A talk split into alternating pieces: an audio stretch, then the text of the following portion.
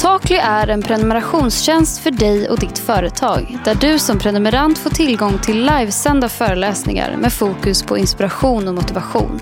I Takly Eftersnacket passar vi på att lära känna våra föreläsare lite mer på djupet. Du hittar alltid det senaste avsnittet där du hittar poddar. Surfa in på takly.se för att starta din prenumeration om du vill ta del av föreläsningarna i sin helhet. Du lyssnar på Takly, eftersnacket med mig, Sulay Khadar.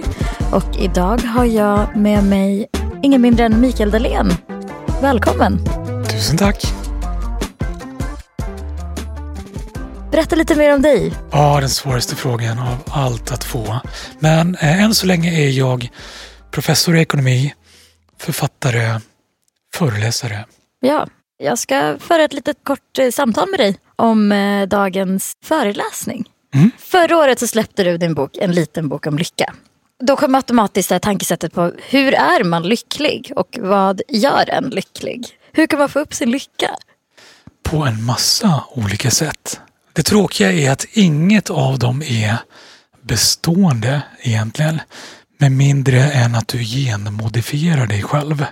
För du har en sorts grundlycka som du ärver av dina föräldrar och den är bestående. Grattis om du har bra gener. Eh, beklagar om du har gener som jag som inte ligger så högt i grunden. Men du kan påverka din lycka varje dag på olika sätt. Vilket jag tycker är toppen. Och det var tillräckligt för att fylla en bok med. Ja, fantastiskt. Utvecklades du under tiden som du skrev boken? Hur var processen av ditt lyckoskapande? Alltså alla böcker jag skriver har jag insett efter att ha fått frågan för några böcker sedan. Vad är det här för bok? Är det en självhjälpsbok eller är det en? Och då insåg jag att ja, det är det. I väldigt bokstavlig mening så är det en bok jag skriver till väsentlig del för att lära mig själv. Jag skriver oftast böcker för att jag inte är riktigt klok på någonting och försöker bli klokare. Så gräver jag och så skriver jag för att fundera. Och så var det definitivt med Lyckoboken. Jag har brottats med att jag har ett grundläge som inte är så jättehögt upp på lyckoskalan. Jag studsar inte upp ur sängen med ett stort tjockt leende på läpparna. Och det har jag brottats med i alla år. Tänkt att det måste vara något fel på mig, på mitt liv, på min tillvaro. Det jag gör. Och sen när jag har grävt i det där så har jag befriande nog insett att vad jag än gör så kommer jag ändå aldrig hamna i ett läge som är lyckligt jämt.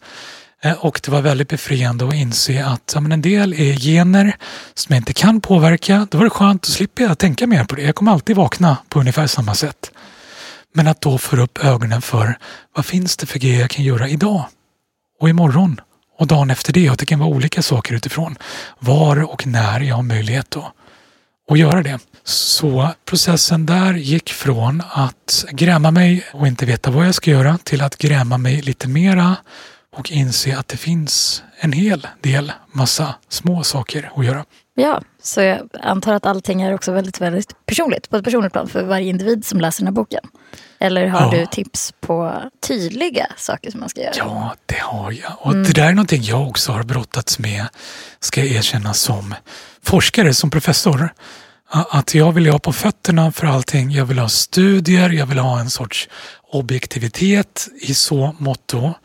Samtidigt som när jag skriver så har jag insett att det ofta kan vara lättare att ta till sig om jag blir lite mera personlig i saker och ting. Men jag vill ju inte i det personliga stå i vägen för att man måste inte vara jag för att kunna göra de här sakerna. Men poängen är att det är inte en enda sak jag kan göra för att jag är jag, utan även jag är ju lite olika personer beroende på vad det är för tid på året, beroende på vad jag gör just nu. Så ta som en liten verktygslåda till exempel att göra någonting för att det är lite busigt.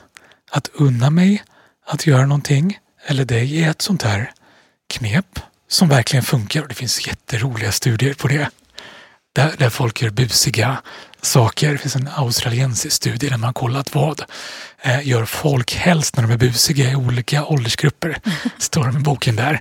Och det gör en lite lyckligare, gör att den känner sig lite yngre också. För att man förknippar busig med mm. att vara lite ung och carefree. Och det är ju inget vi alla kan göra varje dag kanske.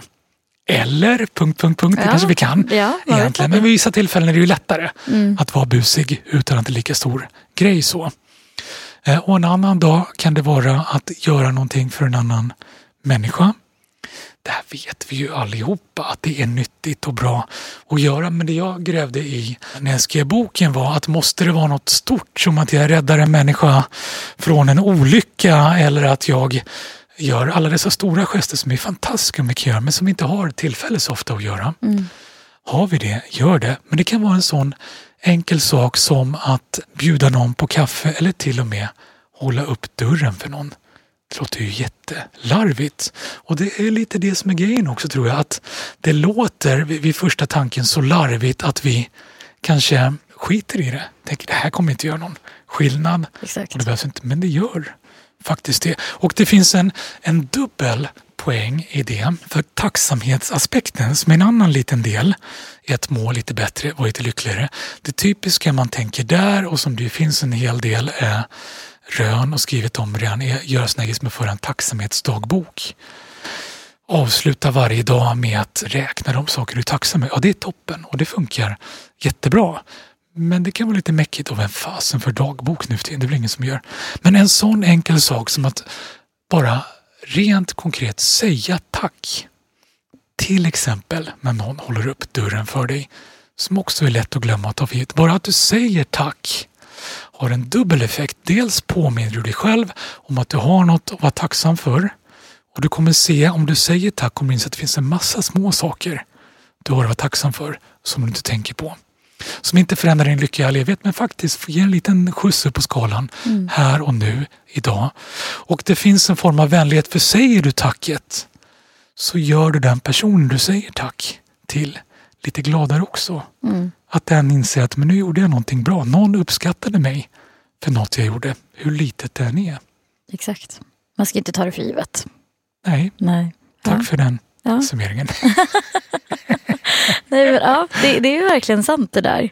En annans lycka gör ju en glad också. Och det är, de, det är små sakerna i livet. Mm. Tycker det är fint att man inte ska tänka i de stora skalorna. Nej, precis. Um, Bjud någon på en kaka. Det finns jätteroliga studier på förskolebarn. Mm. Där man har jämfört om de får en kaka och äta själva eller om de får en kaka att ge någon annan att äta eller om de får en kaka till sig själva som de kan välja att ge till någon annan. Och det visar sig att äh, äter du en kaka själv så blir du lite gladare om det är mm. förskolebarn. Mm. Säkert vuxen också, men inte testat på vuxna. Jag vet inte varför. jag tror att man är ganska glad. Får du en kaka att ge bort till någon mm. så blir du nästan lika glad som om du äter den själv. Men får du en kaka som är din som du väljer att ge bort till någon, då blir du faktiskt precis lika glad mm. som om du äter kakan själv. Det är häftigt. Wow! Mm. Så man vet om sin egen lycka och ger den till nästa person ja. istället. Och det är hållbart och det var ganska ja. skönt för mig att konstatera för min fru har under flera år eh, anklagat mig för att vara en feeder. Ja. För att Oj. jag älskar att handla saker som jag sen tittar på när hon äter. Okay. Eller våra barn. Mm. Och hon har varit eh, lite ambivalent till eh, det beteendet. Men det har jag kunnat förklara med att det ger mig väldigt mycket glädje och lycka och marginalnyttan av att jag ska ta en semla till eller en skumtomte till är väldigt snabbt avtagande. Men då kan jag liksom få, istället för att få 20% 10% av effekten med en till, om jag då ger det till min fru, till mina barn, så får jag liksom 100% till på dem. Tänker barnen på samma sätt? De, de har inte samma ambivalens nej, utan nej. de är mera eh, eh, förbehållslöst glada. Magiskt. Men där finns det busiga också tror jag. Att jag ger gärna till barnen men just på grund av att min fru är lite ambivalent så tycker jag att det är extra kul ja. att ge henne. jag förstår.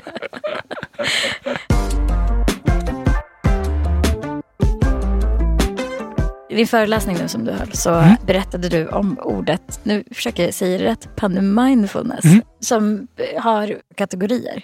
Eller du kan förklara det, begreppet.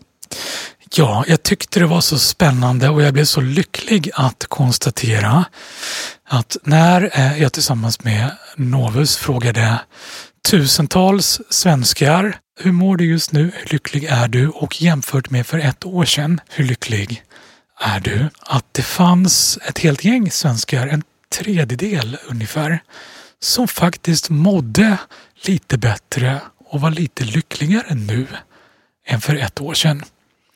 Det tyckte jag var jättehärligt. Det finns de som mår sämre, såklart, inte överraskande, som är jobbet. Det finns de som mår stort, stort sett likadant. Men ändå se att så många kunnat hitta sätt och, och hamna i lägen där de mår lite bättre. Mm. Det blev jag jätteglad att se och jag kände att här måste finnas saker att lära som kanske alla kan tillämpa även om det inte föll sig naturligt. Så. Och en av de aspekterna är kortsiktighet. Mm. Att faktiskt hitta och göra det bästa av situationen som den är nu. Att inte gräma sig över det som inte blev, det vi hade planerat på lång sikt. Och att inte sätta tillvaron på vänt som ju väldigt många människor gjort. Och jag känner själv igen det här också från förra året när jag var en av dem som också trodde och hoppades att den här pandemin kommer nog gå över hyggligt snart. Exakt. Så vi väntar ut det här mm. och sen blir det som vanligt. Mm. Att istället, vare sig pandemin är på något sätt över mm. eh, till midsommar eller slutet av året, faktiskt tänka här och nu vad kan jag göra här och nu med de förutsättningar som finns för att må bra? Precis. Det är en viktig del. Mm. Eh, en annan del i det där är att vara nybörjare, tänker jag på det som. Eh, och det ligger också nära till hands i pandemin när många av de rutiner vi haft, många av de saker vi ägnar oss åt professionellt och även privat inte funkar på samma sätt. Att ta det här tillfället då att utforska nya sätt. Nya sätt att arbeta, nya sätt att umgås, kanske till och med nya potentiella karriärer. Mm. Och att omfamna glädjen i att faktiskt testa, utforska någonting nytt och få den omedelbara belöningen i att bli lite bättre som vi blir ganska snabbt på vad vi än gör när vi börjar göra någonting. Mm. Eh, marginalnyttan av att fortsätta göra samma sak är avtagande ganska snabbt. Du kommer upp till en nivå när du blir skitbra, brukar jag tänka på det som. Och bortom det får du jobba väldigt, väldigt hårt mm. för att bli lite, lite bättre. Men, men, i början kan du göra väldigt stora framsteg väldigt snabbt och det är fantastiskt härligt. Underbart. Ja. Så det är en annan viktig sån del. Mm. Och en tredje del är lite det vi var inne på mm. redan. Att inte gräma oss över alla saker vi hade planerat att göra, allt vi känner att vi måste göra. Över att vi inte kan vara så där duktiga som vi gärna vill vara. Och som så stor del av vår tillvaro oftast består av. Mm. Vi vill vara duktiga inför oss själva, vi vill vara duktiga inför vad vi upplever är andras förväntningar på oss. Och så kan vi nu gräma oss över att vi kan inte vara så där duktiga, vi kan inte göra allt det där vi borde göra. Att istället vila i det faktum att det går inte att vara så duktig just nu och vara okej okay med det. Och kanske omfamna möjligheterna att vara ja, lite busig, lite Exakt. att uh, gå med bar underkropp om du är så lagd. Mm. det är inte så duktigt. Men jag tycker det är mycket, för vi gjorde en annan studie i höstas uh -huh. på människors klädvanor. Det visade sig att 68 procent, tror jag var siffran, 68 procent av människorna i det här landet hade börjat klä sig annorlunda under året. Okay. Och en väsentlig del av förklaringen ligger nog i att ja, men nu jobbar vi och umgås på andra sätt. Precis. Så vi behöver inte klä oss eh, på det sätt vi gjorde när vi gick till jobbet förut. Utan kan vara lite annorlunda. Är det för att man är majoritet av sin tid inomhus och hemma? Ja, förmodligen. Precis. Att det är lite mer, man är lite mer avslappnad? Ja, på det sättet. Precis, och det där var kul att korrelera som jag gjorde med försäljningsstatistiken i klädhandeln. Ja. Där det gick att se att fler och fler köpte kläder online istället för att gå ut och shoppa i butiker. Men eh, nästan hela ökningen bestod i kläder för överkroppen. Tröjor, eh, skjortor, blusar och så vidare. Exakt. Där ökade det online, men, men underkroppen mm. ökade det inte i. Och Det skulle ju kunna bero på att när vi eh, jobbar, umgås via skärmen så syns ju ändå inte underkroppen så det är inte så jäkla viktigt vad man har där. Och det tänkte jag då eh, skulle kunna hänga samman med, jag tror det var en brittisk studie, det blev, blev en del eh, rubriker på det för att det var en så kul rubrik att göra, som kom fram till att 11 procent hade någon gång i närtid nakenjobbat. en av nio jobbat spritt språngande. Jag tillhörde inte en av dem. Nej. Eh, och tror inte jag skulle kunna göra det. Men jag kanske skulle kunna gå så långt som att jobba med naken underkropp. Ja. För ingen behöver veta. Precis. Ja, exakt. Precis så. Jag blir lite gladare av att tänka den tanken, apropå Mm. små tankeknep som inte förändrar världen eller mitt liv, men kan ändå göra mig lite glad. Om jag sitter på ett möte, Mm. Och många möten, det har blivit ännu flera möten nu under Mm. pandemin för att de är så enkla. Det är bara att trycka på en knapp upp på skärmen så. Och ibland när jag sitter och tänker ännu ett möte, då kan jag komma på mig själv med att tänka tanken, undra hur många av de andra Mm. i den här sessionen som just nu sitter med naken underkropp. Det gör mig lite gladare faktiskt.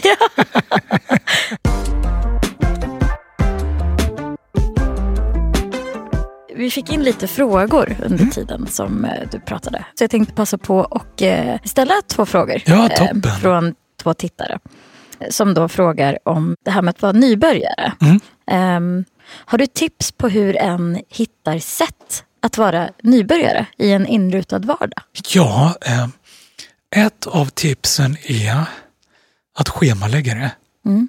Att påminna dig själv, för det är så lätt att saker och ting rullar på. Nu behöver vi ändå komma in i rutiner, ganska många av oss, i den här tillvaron som är ställa alla andra rutiner på ända. Nu har det gått ett år, det börjar skapa nya rutiner och det är lätt att, att vi, vi glömmer bort att vara lite mer spontana.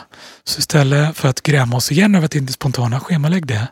Schemalägg att vara spontan, det låter ju som en motsägelse. Men schemalägget var nybörjare. Ägna, eh, jag räknade ut att vi fått en timme om dagen extra ungefär nu under pandemin. När, när vi är mera effektivare eller bara inte kan göra det vi gjorde förut.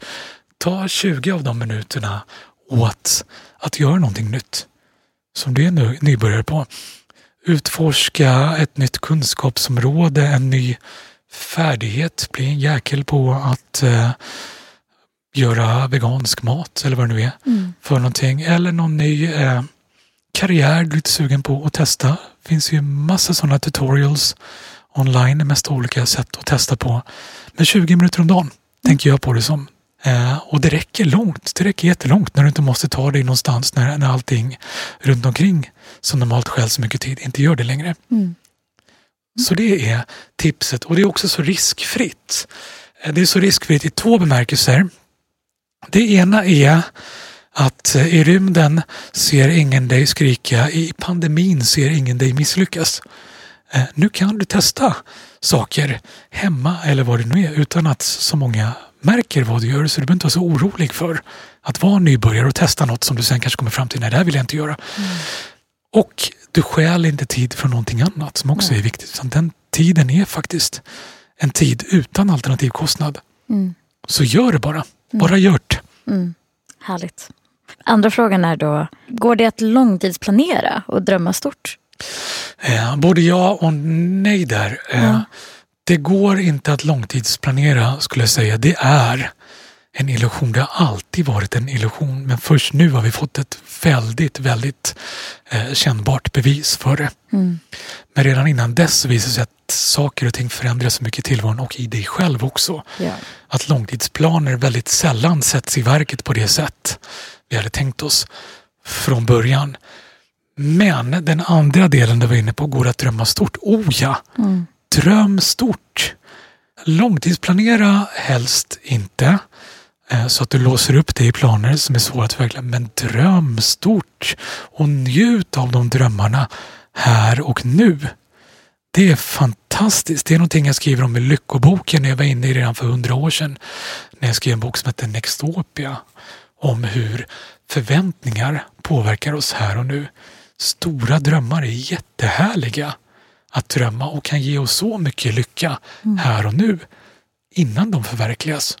Och den lyckan och den energin de drömmarna ger ger mig möjligheter att göra saker här och nu mm. som kanske är helt andra saker. Så drömmarna kan ändå få dig att göra saker i det korta perspektivet som du annars inte hade gjort.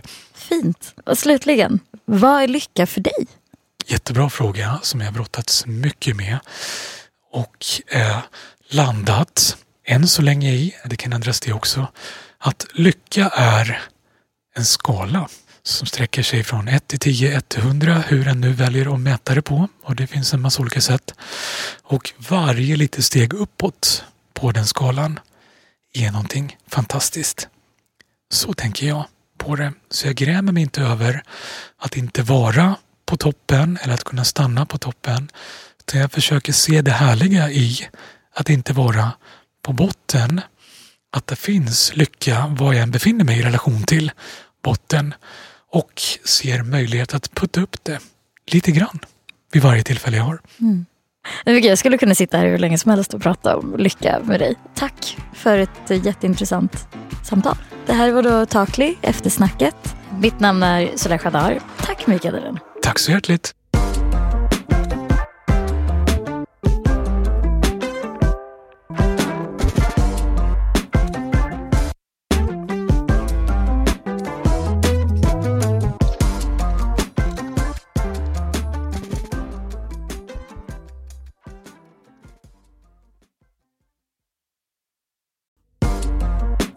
Har lyssnat på Takli Eftersnacket som är en del av prenumerationstjänsten Takli som erbjuder inspirerande föreläsningar varje vecka.